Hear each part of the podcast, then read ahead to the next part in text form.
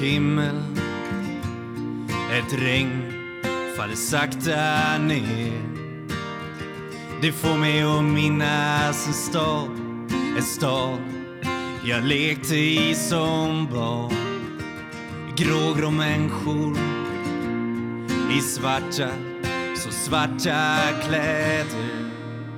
Men jag min sorglösa dag Ett vackert minne.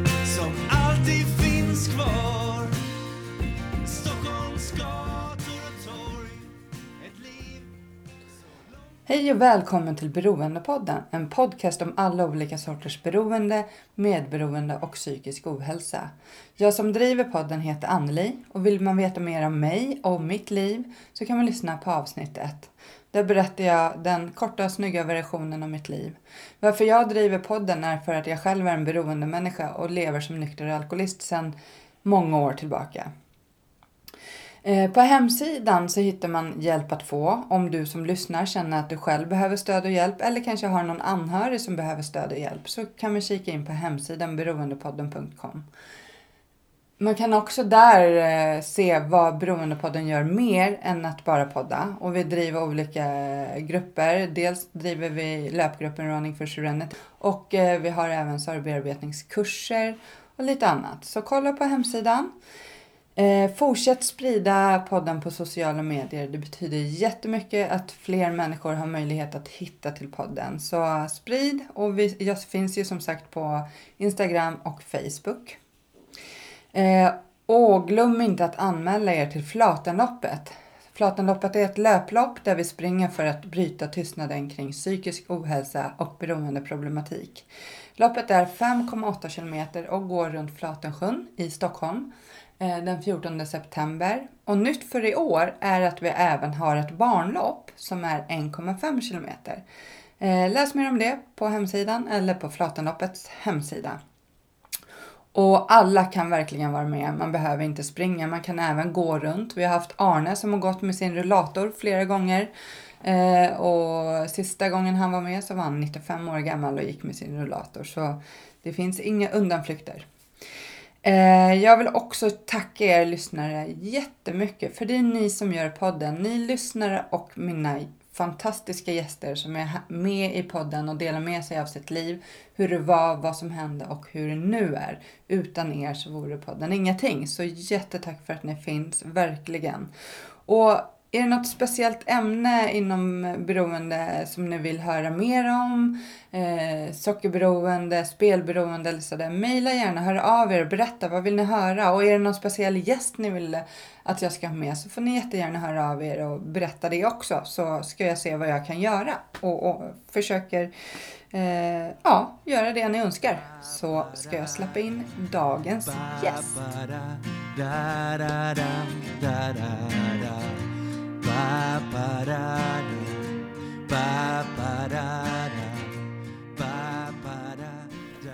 Och jag hälsar dig Andreas Haglund välkommen till Beroendepodden. Tack. Eh, Du lever som nykter alkoholist sedan ett och ett halvt år tillbaka och är 39 år gammal. Stämmer. Eh, Du är- en av två som är grundare till appen Carry. Exakt. Ca- Carry App. Eh. Som släpptes för några månader sedan. Eh, Och det... Ja, jag tänkte att du ska få berätta lite vad Carry App är för någon app. Mm. Och sen ska du få berätta din egen historia och varför, hur det kom sig liksom att, att ni startade den här appen. Ja. Eh, CARE står ju för eh, Community of Addicts in Recovery. Mm. Och eh, det är ett, eh, en app som eh, ett nyktert eh, socialt nätverk där man kan träffa andra personer som har samma problematik. Mm.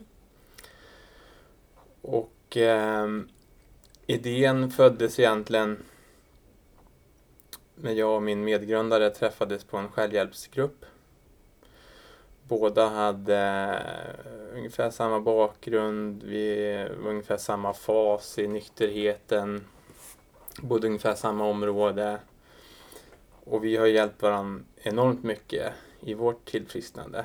Mm. Och det skulle vi vilja att andra ska få uppleva. Så att i våran app så kan man då söka på andra personer eh, med ungefär samma intressen, samma ålder och bli kompis med Mm. på, som andra sociala nätverk. Men det här är helt nischat för personer som är nyktra eller som vill bli nyktra. Då.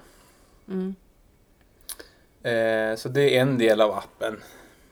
Eh, en annan del av appen är ju att vi upptäckte ju på eh, varje möten som vi var på så sa alla att eh, jag borde gå på fler möten. Men jag hinner inte. Eller jag behöver ha den här påminnelsen. Och vi tycker att fysiska självhjälpsgrupper är jättebra och vi förespråkar ju det. Men det här kan vara ett komplement. Och då kom vi på att man kan köra det här via video. Mm. Så i appen kan man köra videodelningsmöten som ett komplement istället för att man till exempel kollar på TV en kväll eller man kanske har tid på lunchen och köra ett möte och ehm, i framtiden rent teoretiskt kunna ha möten med folk över hela världen Mm. med samma problematik. Så det var också en grej som vi kom på då. Och sen kom vi även på att vi började tittade på vad är det som gör att folk tar återfall? Vad, vad beror det på? Och vi kom fram till att en stor del av det är att man blir väldigt ensam. Antingen så har du ju betett dig på ett visst sätt så att du inte har några vänner kvar. Eller så de vännerna du har eh, har du ju valt på grund av att det är samma skrotkorn som du har ett gemensamt intresse med. Mm. Och så oftast så kanske man sitter och är helt ensam och tycker synd om sig själv och tycker att livet är ändå helt värdelöst så kan jag likväl kröka. Så vi hade en idé då om att eh, man måste ju aktivera sig, träffa andra eh, personer och göra andra vardagliga nyktra aktiviteter. Så då byggde vi in det, den funktionen i appen att folk kan lägga upp eh, aktiviteter. Om någon eh, är duktig på någonting och vill dela med sig så kan andra följa med och träffas i nyktra sammanhang. Eller det kan vara basala saker som att man bokar eh, en nykter middag bara. Mm. Bara för att komma ut och, och träffa andra och aktivera sig då. Men det kan även vara en sån eh, grej som att om det är en eh, kvinna som eh, har en hund som går ut, gillar att gå ut med hunden. 300 meter bort kanske är det en annan som gillar att gå ut och gå med hunden. Mm. Kan de åtminstone veta om att de finns. Mm. Connecta liksom. Connecta. Mm. Och ehm, hjälpa varandra.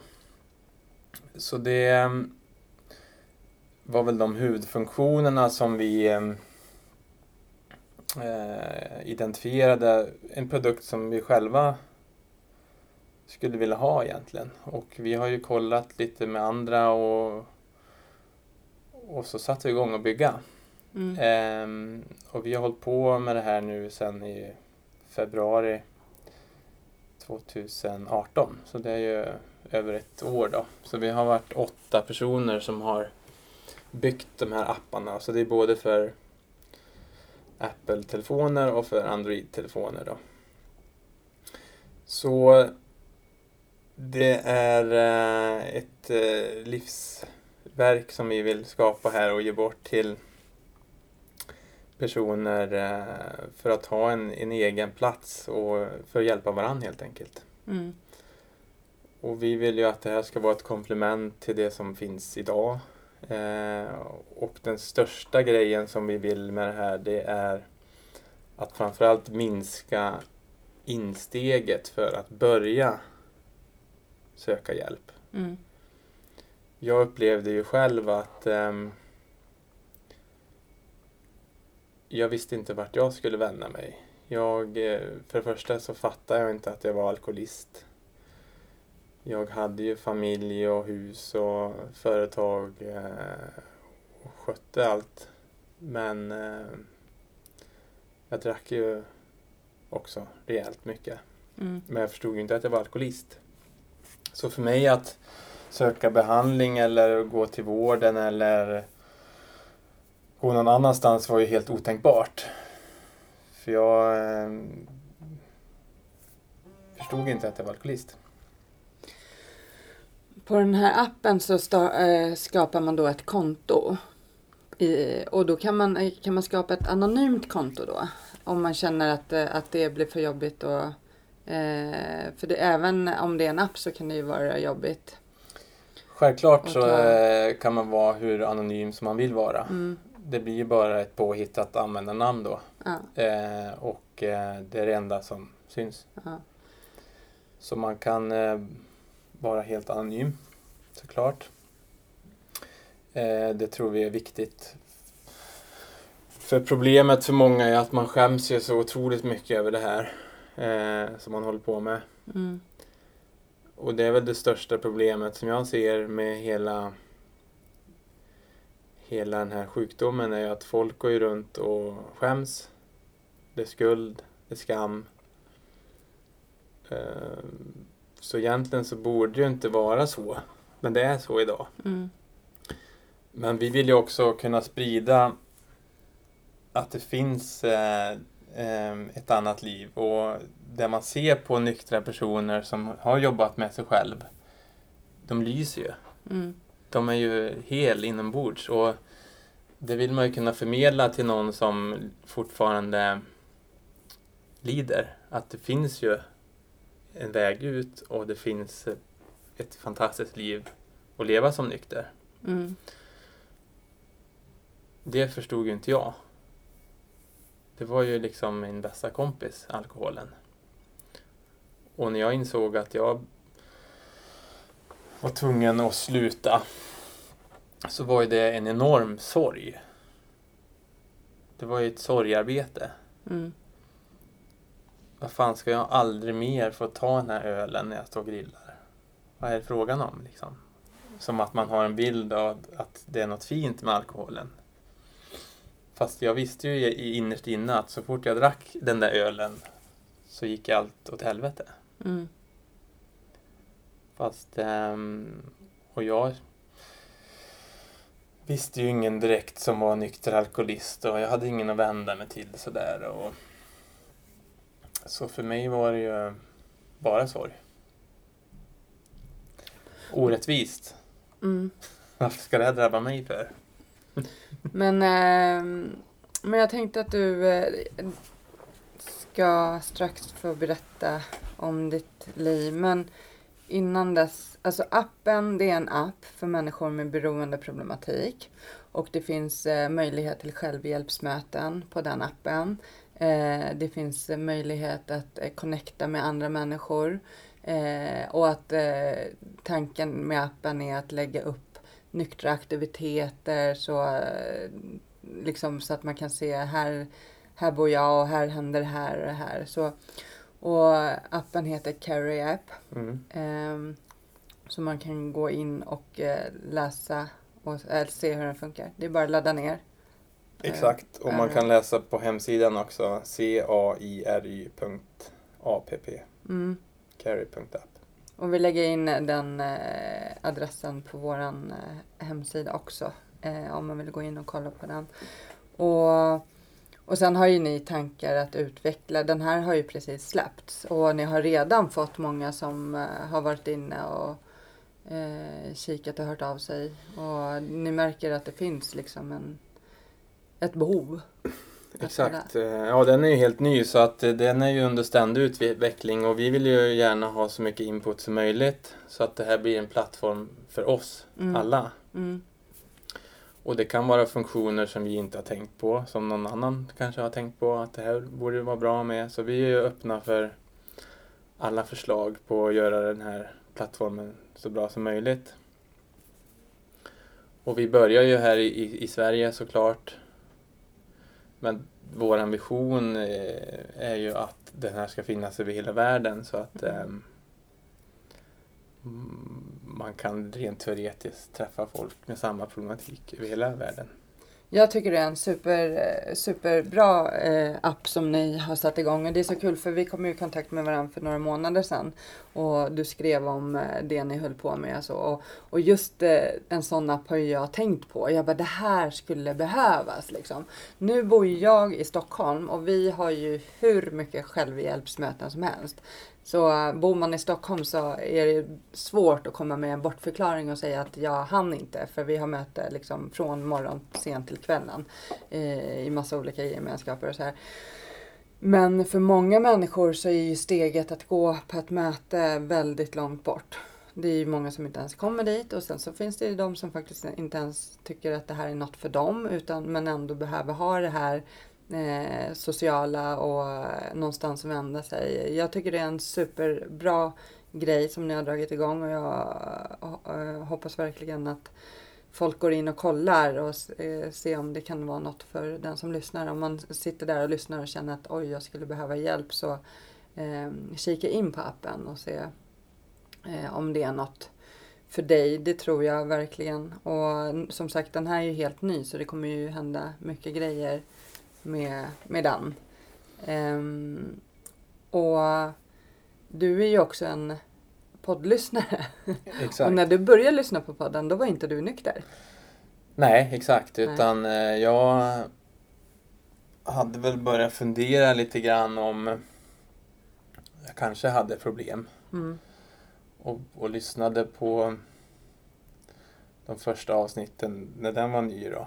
Eh, och då var jag inte nykter. Och, men jag förstod, jag gjorde nog ändå det beslutet då att eh, nej, jag är nog inte alkoholist. För jag, jag kan ju faktiskt vara nykter i, jag kan ha en vit månad.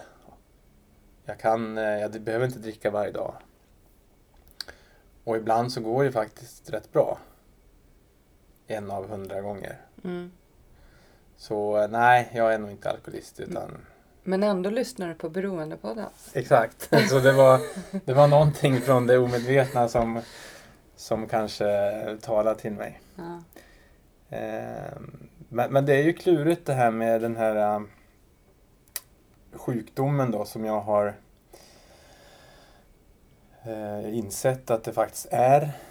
Och jag har läst på väldigt mycket forskning kring det och det har verkligen sjunkit in i mig nu att det är faktiskt en sjukdom. Mm.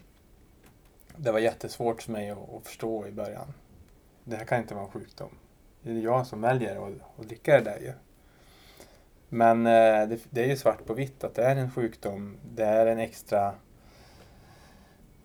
jag vet inte exakt definitionen, men någon extra ledningsbana i hjärnan som har aktiverats på ett visst sätt och eh, som gör att jag eh, styr inte över det här själv. Mm. Och det blir ju lite enklare att, att tackla saker och ting när man inser att det är en sjukdom. Jag är sjuk.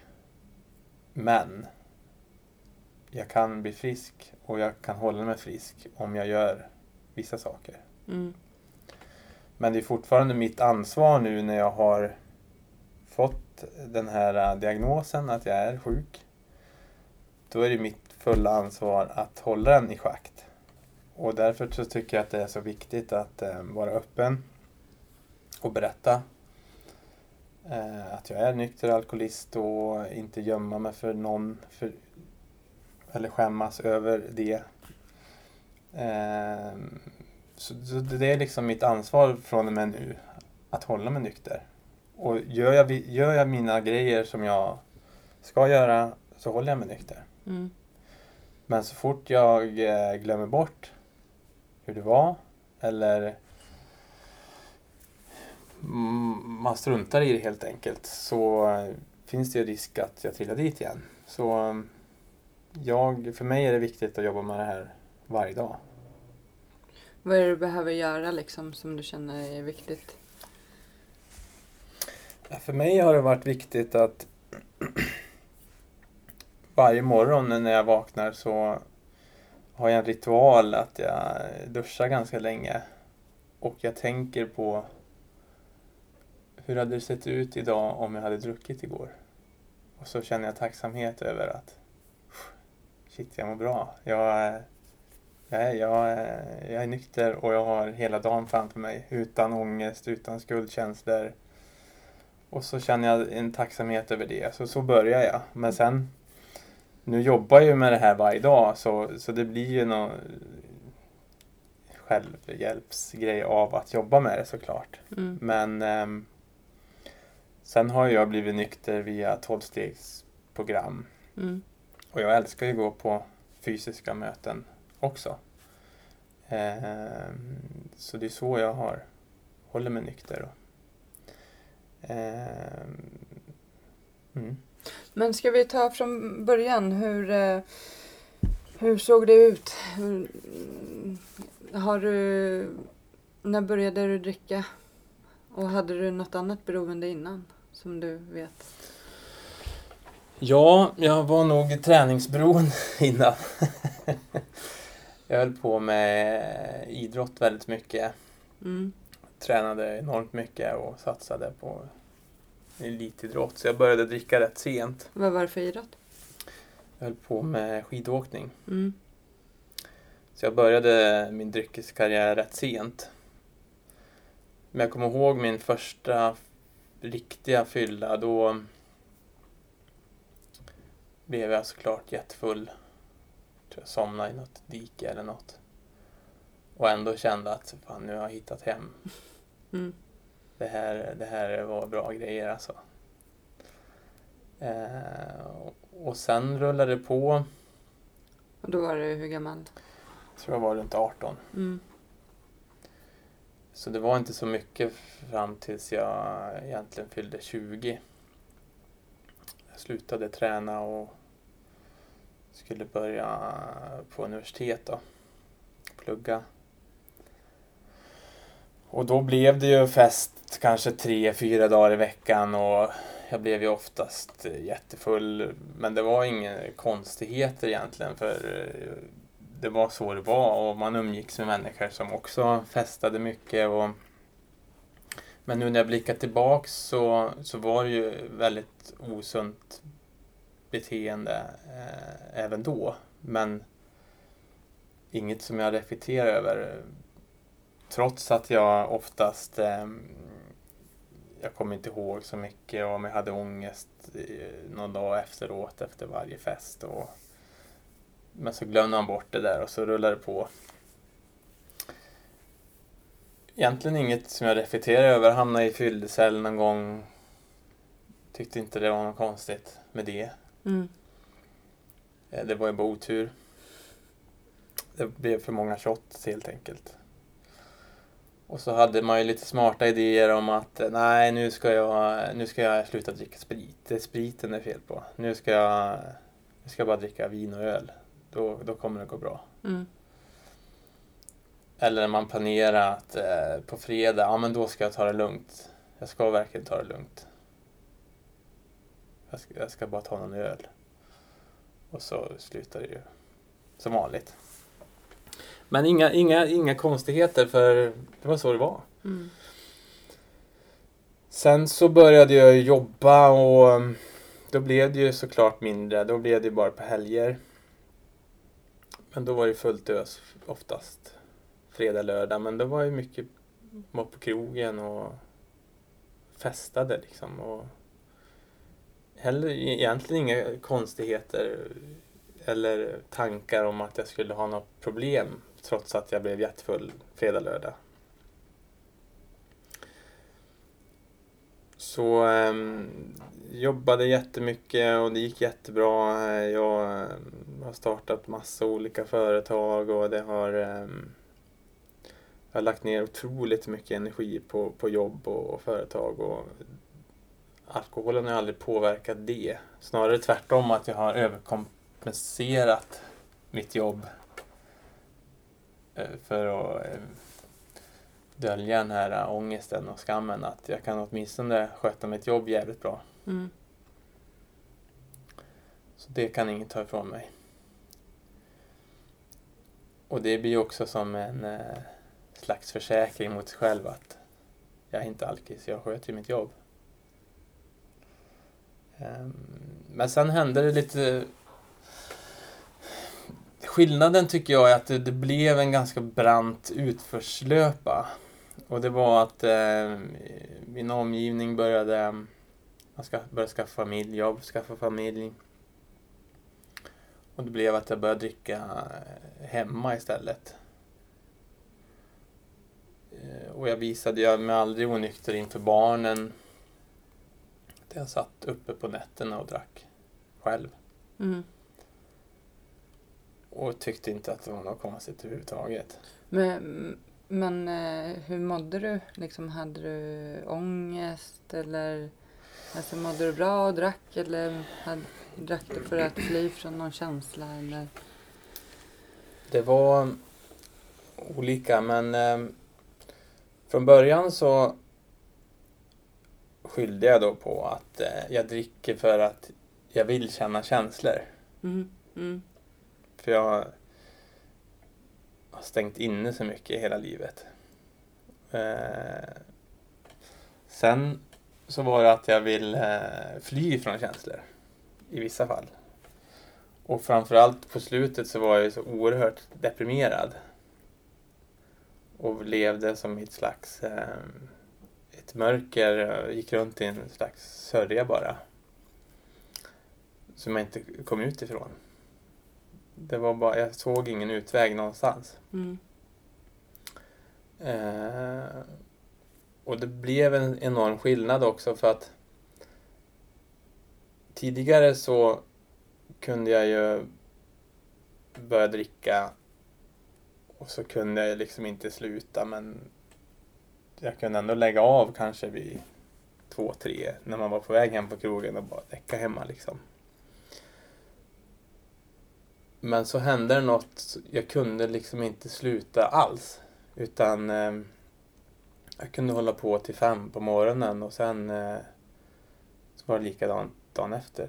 Tills jag till slut, in, jag orkade inte mer. Det var bara det som kunde stoppa mig att jag, jag orkade inte mer helt enkelt. Kroppen sa bara nej nu, Mm. nu måste du sova. eh, och den kraften är så jäkla vidrig alltså. För du, jag kunde inte styra det där själv. Enormt läskig, läskig kraft.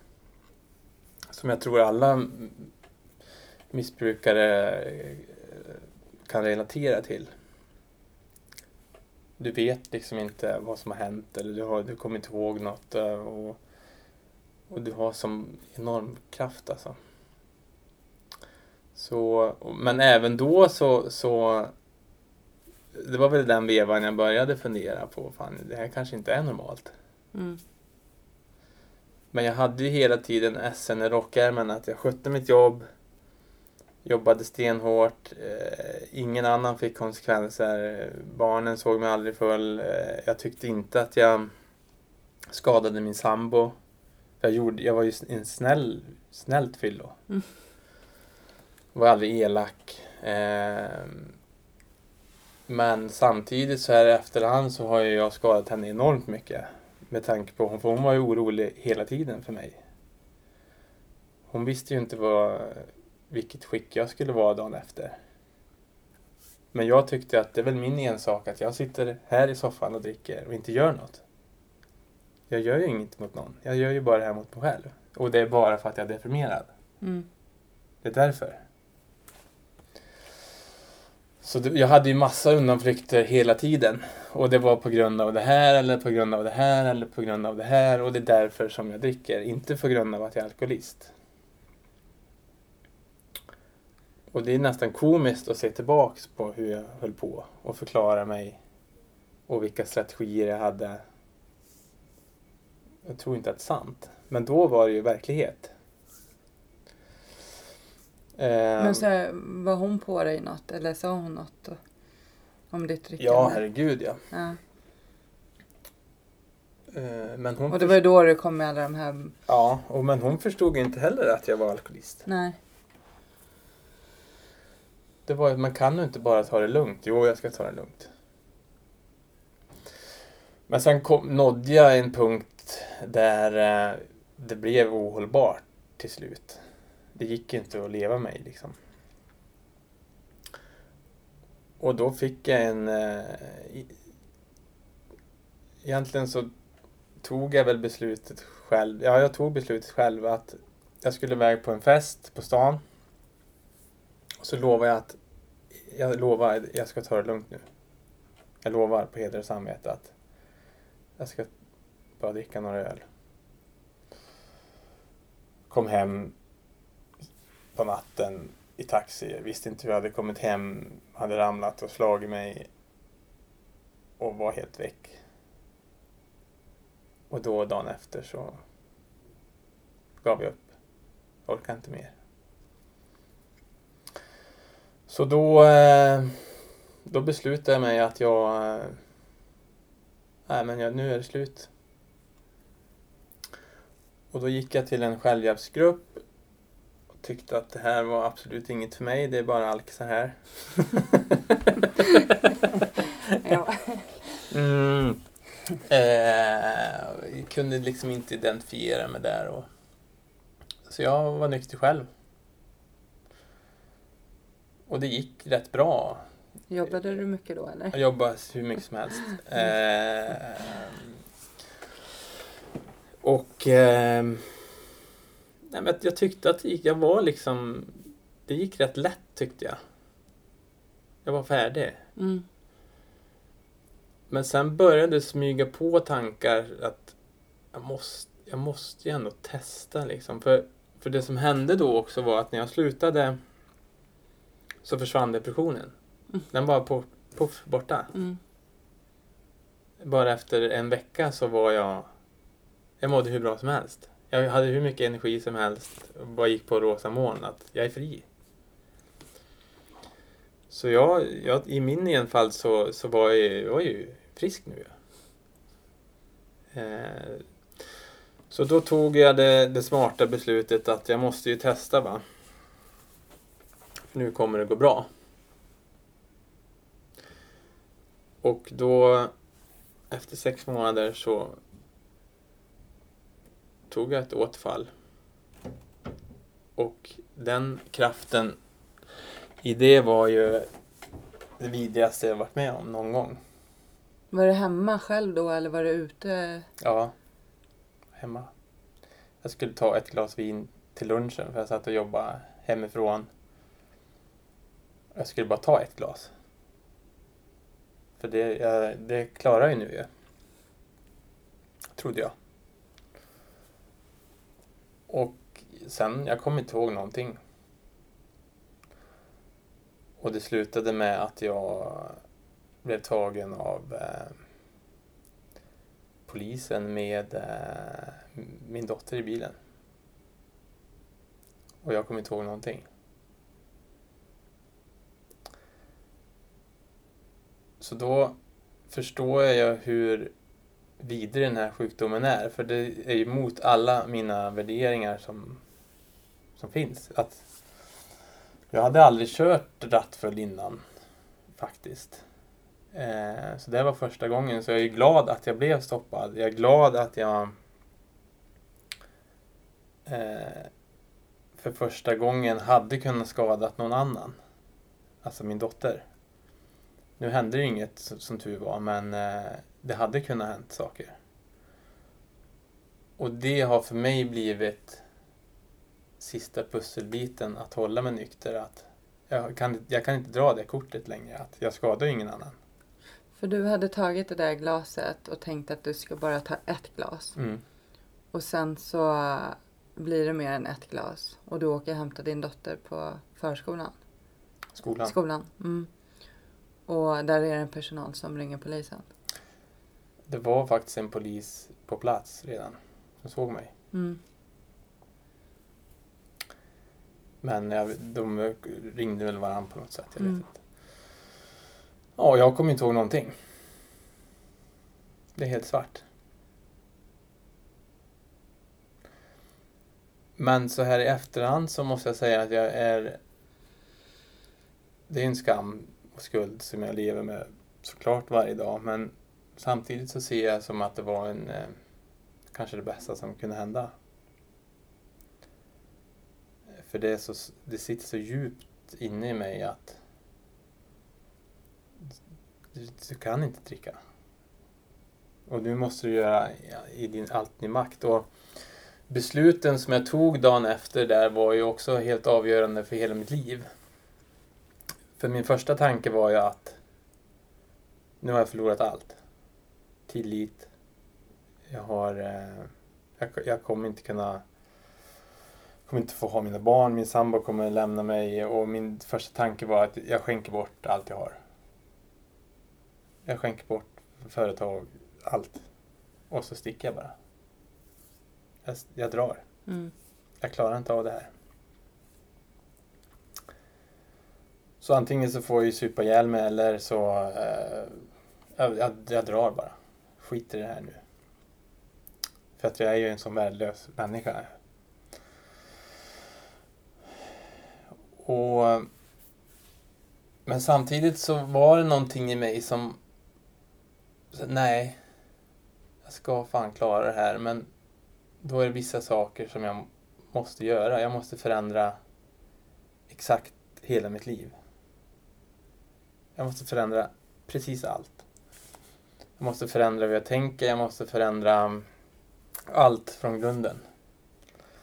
Jag måste hitta ett, eh, ett jobb eller ett, ett meningsfullt arbete där jag får jobba med den här frågan. Och det var ju bara någon vecka efter det här som jag kom på den här idén. För då gick jag på en annan självhjälpsmöte. Där jag då hittade identifikation med en annan. Och där jag kände att jag kan faktiskt få hjälp här. Och det, och det är för att jag kan identifiera mig med den här personen. Och så på den vägen är det då. Ehm, så idén kom ju utifrån hela den här händelsen. Mina egna erfarenheter kring vad som finns idag, vad som inte finns idag. Och vad som behövs. Så att jag får använda mina tidigare erfarenheter av att bygga digitala tjänster och företag till att göra något meningsfullt istället då. Istället för att bara göra något för att tjäna pengar. Mm. Så att ja, det är, det är en fruktansvärd eh, händelse som, kommer, som jag kommer få leva med resten av mitt liv. Men eh, samtidigt så, så är jag glad över att eh, eftersom det inte hände något för någon annan.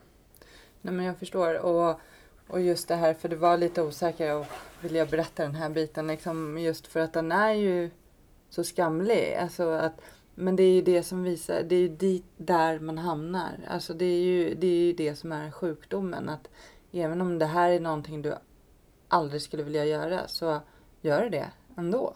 Alltså liksom. Um, och jag har ju också sådana här historier som finns i, i min ryggsäck som jag liksom bara, hur fan kunde jag göra det där? Men det är liksom, det är vad alkoholen gör med oss liksom. Och även om ett halvårs uppehåll från alkoholen, du har ju fortfarande sjukdomen i dig. Så när du tar det där första glaset, då drar du igång precis där du slutade innan. Eh, läskigt nog. Men, eh, ja. Och jag tycker att det är jätteviktigt eh, verkligen att berätta det. För att jag har hört så många historier. Jag vet så många människor som är eh, vanliga familjefäder.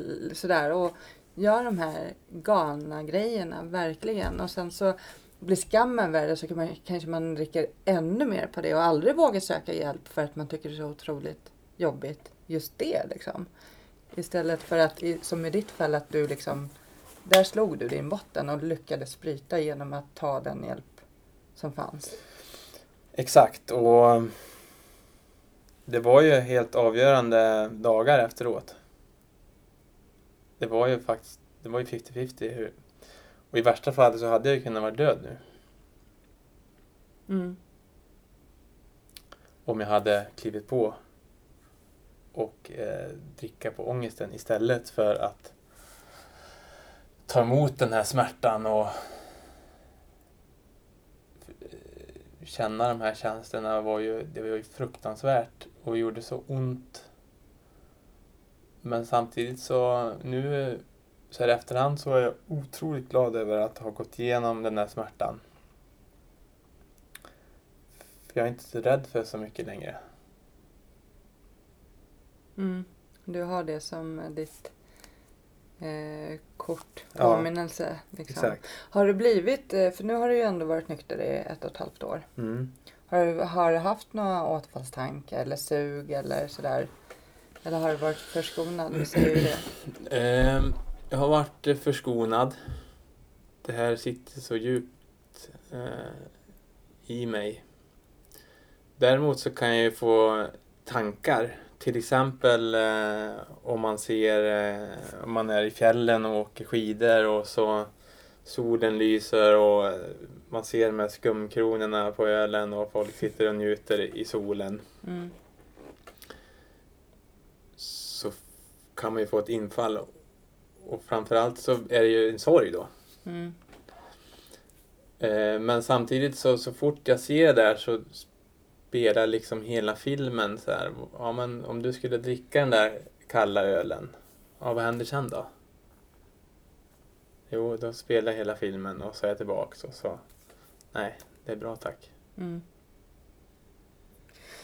Men du träffade en kille då, då Per eh, heter han. Ja, på precis. ett möte. Och ni kände att det här är någonting som skulle behövas.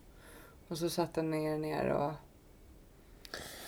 Börja skissa på vad är det liksom som är viktigt i nykterheten? Mm. Jo, det är viktigt att du skaffar ett skyddsnät bland andra nyktra personer.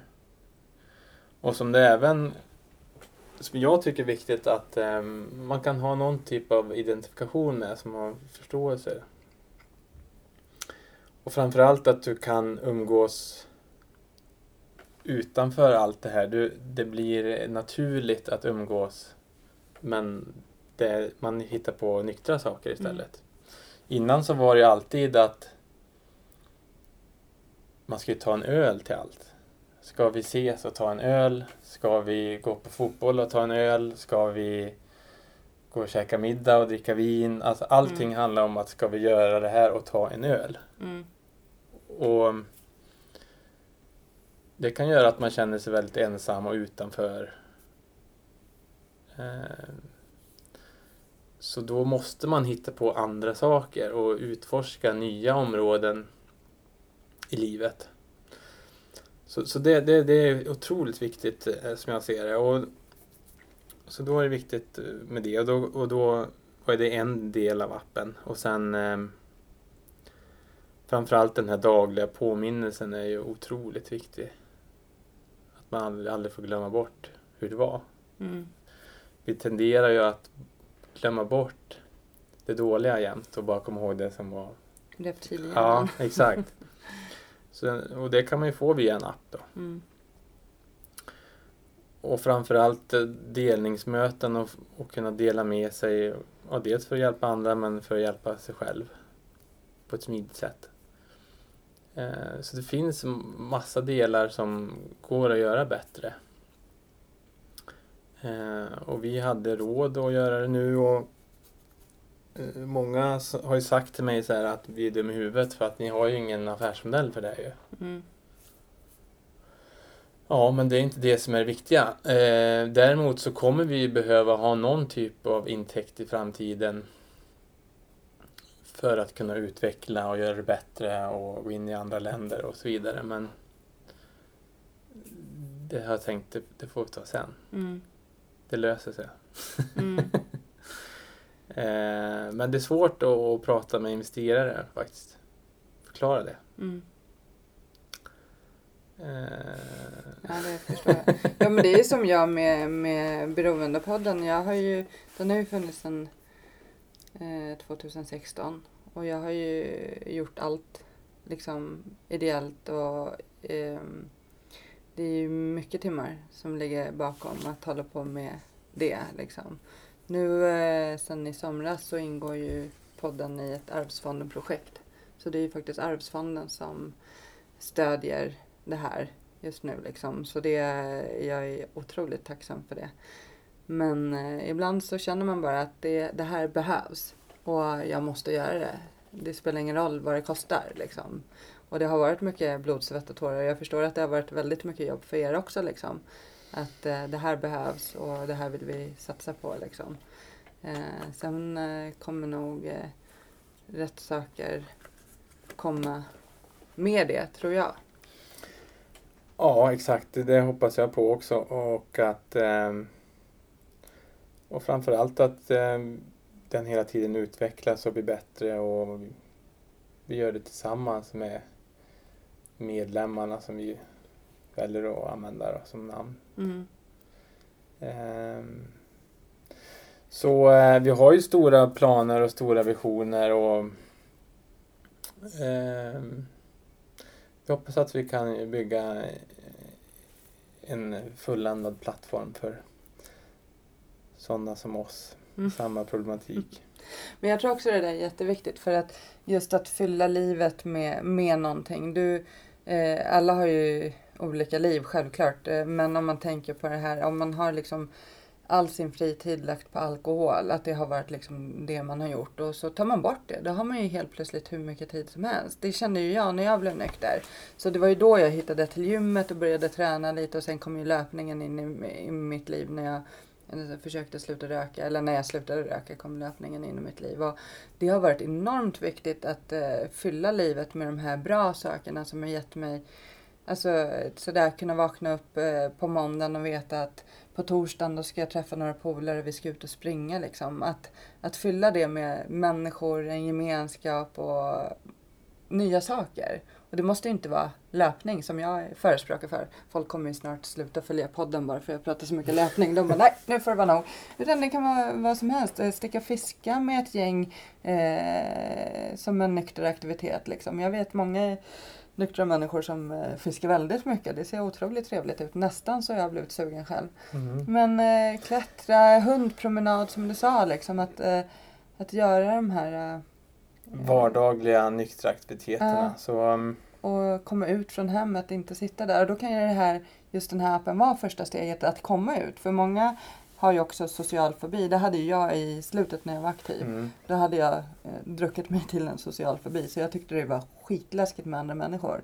Så bara det här första steget att våga vara på ställen och börja umgås med andra människor. Jag kommer ihåg på mitt första möte så var det en kvinna som kom fram och sa eh, och hon frågade om jag ville följa med och fika och jag, jag var så här, fika, men vad, vad, vad gör man då? Eller vad, vad pratar man om? För jag hade ju inte fikat på så här 15 år typ, utan jag hade ju gått ut på krogen och druckit. Det var ju mitt sätt och då liksom. Um, och det, det tror jag också är bra med de här apparna, att, att det kan få en att ta det där första steget. Att sitter man i lägenheten och dricker och så kan ju första steget bara vara att liksom socialisera sig på en, via en app och sen ta nästa steget kanske haka på någon grupp. Exakt, att man börjar där ja. för så var det ju för mig också. Jag hade också social fobi. Jag isolerade mig också. Jag ville ju inte... På slutet så ville ju inte jag umgås med andra. Mm. För dels visste jag inte vad jag skulle ställa till med. Och eh, framförallt så fick jag inte dricka min egen takt då. Mm. Och det är också en grej som jag la märke till som jag tyckte var märkligt att när jag var ute bland andra så började jag titta på hur snabbt dricker de andra. Och så fick jag liksom hejda mig för att jag inte fick dricka i min egen takt. Den är så jobbig. Ja, exakt. Det var jobbigt att sitta där ju. Ja. Ehm, så helst så ville jag ju bara sitta hemma. Mm. Ehm, och vi ville inte umgås med någon. Och sen blir det ju så också att när man hela tiden bryter ner sig själv och har den här offerkoftan på att det är synd om mig, eh, alla andras fel hela tiden. och eh, man tycker genuint synd om sig själv. Mm. Eh, det är jättejobbigt att ens träffa någon annan människa då för att man är, tycker att man är världens sämsta person. Mm. Men däremot så, så tyckte jag att det är enklare att träffa någon som har haft upplevt samma sak. Det blir ju oftast väldigt fina möten med alla människor som har samma problematik. Man har minsta gemensamma nämnare Mm. och man kan mötas på ett helt annat sätt. Jag tycker fortfarande att det är jobbigt att gå på mingel eller eh, evenemang eller för att det, jag, jag har svårt tycker jag med mycket folk liksom. Mm. Ja men det kan jag, jag kan hålla med, känna igen mig i det. Ehm, Så, men, men däremot så eh, går, kan jag gå på fester nu.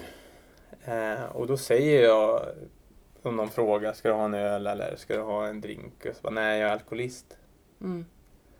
Ofta så blir folk jättechockade. Och de vet inte vad de ska säga. Sen kan ju smyga på lite grann senare på kvällen att ja, ja det kommer det frågor och, och eller så öppnar de upp sig om andra problem. Mm. Så jag tycker det är viktigt att så bara ut med det. Istället för att man kanske skyller på att nej, jag kör eller jag är inne i någon period nu där jag har en paus eller så här. Det, nej, alkoholist. Mm.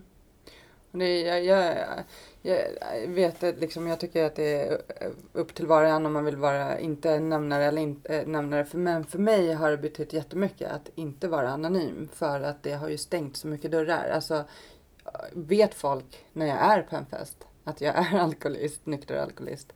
Så kommer det vara ännu svårare för mig att ta det där första glaset på just den festen. Mm. Liksom. Ehm, men om jag går på ett ställe där ingen vet att jag har problem och den här mentala besattheten sätter igång så skulle jag ju kunna ta det där glaset mycket lättare.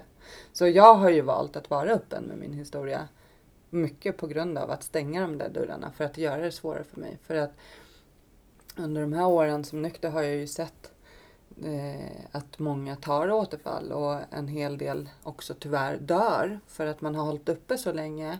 Och när man sätter igång så sätter man ofta igång där man slutade på samma nivå. Och då har du hållit uppe jättelänge så är inte kroppen beredd på det. Och eh, ja, man kan inte klara av den mängden så liksom. Så jag har ju sett alla de, de som har gått ut. Eh, en del har blivit nyktra igen.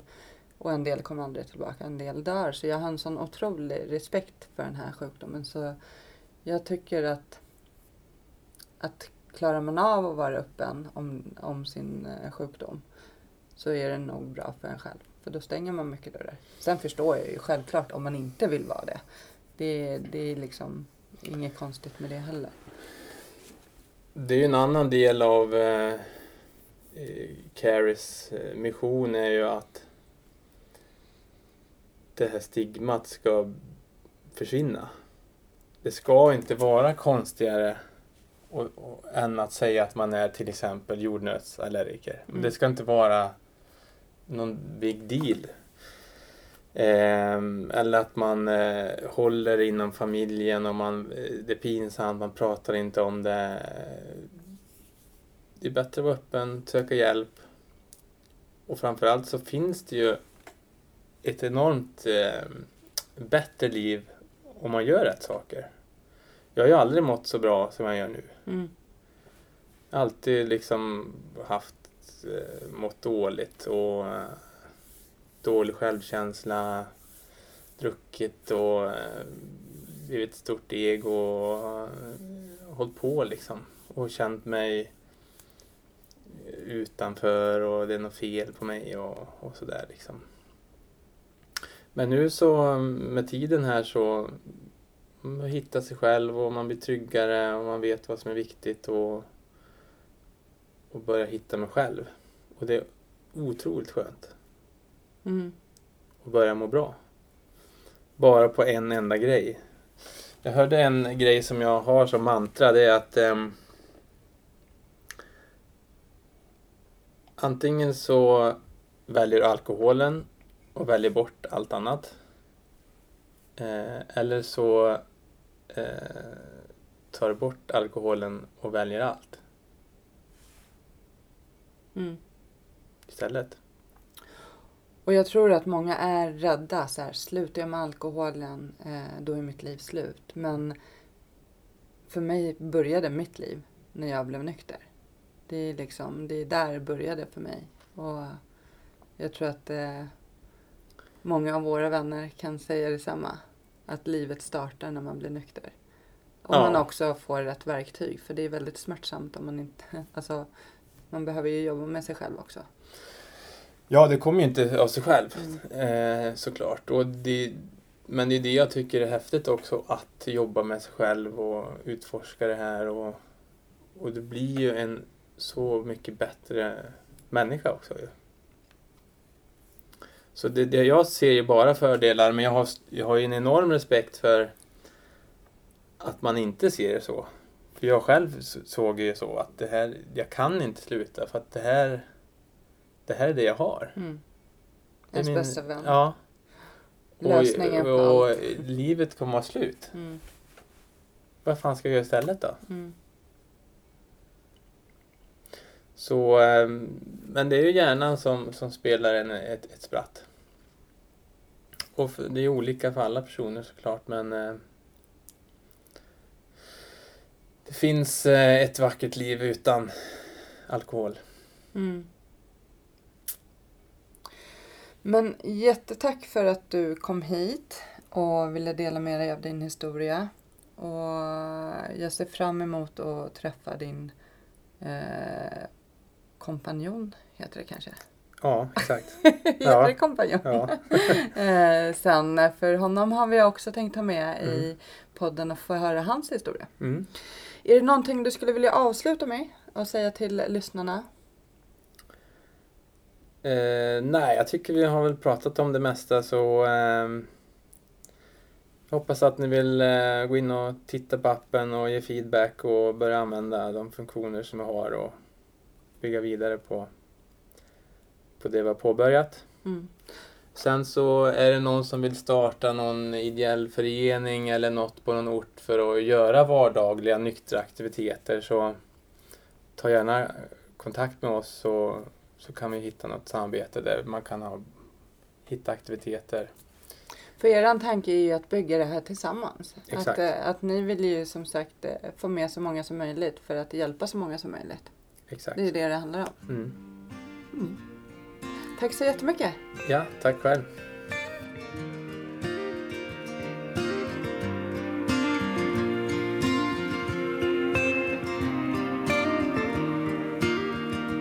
Mörk himmel Ett regn faller sakta ner Det får mig att minnas en stad En stad jag lekte i som barn Grågrå människor i svarta, så svarta kläder Men jag minns sorglösa dag, Ett vackert minne som alltid finns kvar Stockholms gator och torg Ett liv så långt ifrån sorg ba, ba, da, da. Ba, ba, da, da. Ba, ba, da, da, da, da, da, da, da. Ba, ba, da, da. Ba, ba, da, da. Ba, ba, da, da, da, da da, da, da En dyster T-baneperrong Ett liv inrutat i betong Stäng ut det andra med musik Fokusera allt på att bli rik. Här finns en dyster atmosfär. Ett liv kretsat kring karriär. Men jag minns sorglösa dag. Ett vackert minne som alltid finns kvar. Stockholms gator och torg. Ett liv så långt ifrån sorg. Ba, ba, da, da. Ba, ba, da, da, da, da, da, da, da. Ba, ba, da, da. Ba, ba, da, da. Ba, ba, da, da, da, da, da,